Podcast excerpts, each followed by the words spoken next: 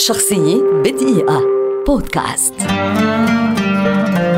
نور الشريف واسمه الحقيقي محمد جابر محمد عبد الله ممثل مصري كبير ويعد من أبرز وجوه السينما والتلفزيون في العالم العربي ولد عام 1946 بدأ حياته الفنية عام 1967 عقب تخرجه من المعهد العالي للفنون المسرحية أولا على دفعته.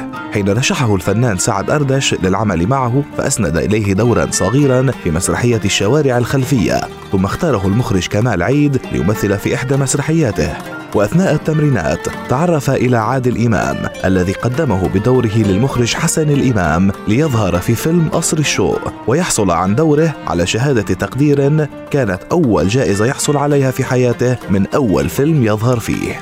بعد ذلك كرت سبحة المسلسلات والأفلام الرائعة التي شكلت المسيرة الفنية الحافلة لنور الشريف. فمن ينسى مثلا فيلم العاشقان الذي قام فيه بتجربة الإخراج للمرة الأولى. وأفلاما أخرى مثل حبيبي دائما آخر الرجال المحترمين عمارة يعقوبيان ناجي العلي وعشرات الأفلام الرائعة. إلى جانب المسلسلات المحفورة في ذاكرة الجمهور العربي مثل لن أعيش في جلباب أبي الرجل الآخر العطار وسبع بنات الدالي عائلة الحج متولي وغيرها الكثير.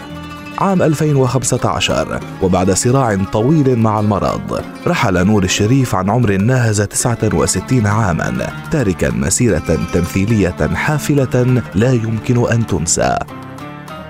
شخصية بدقيقة. بودكاست.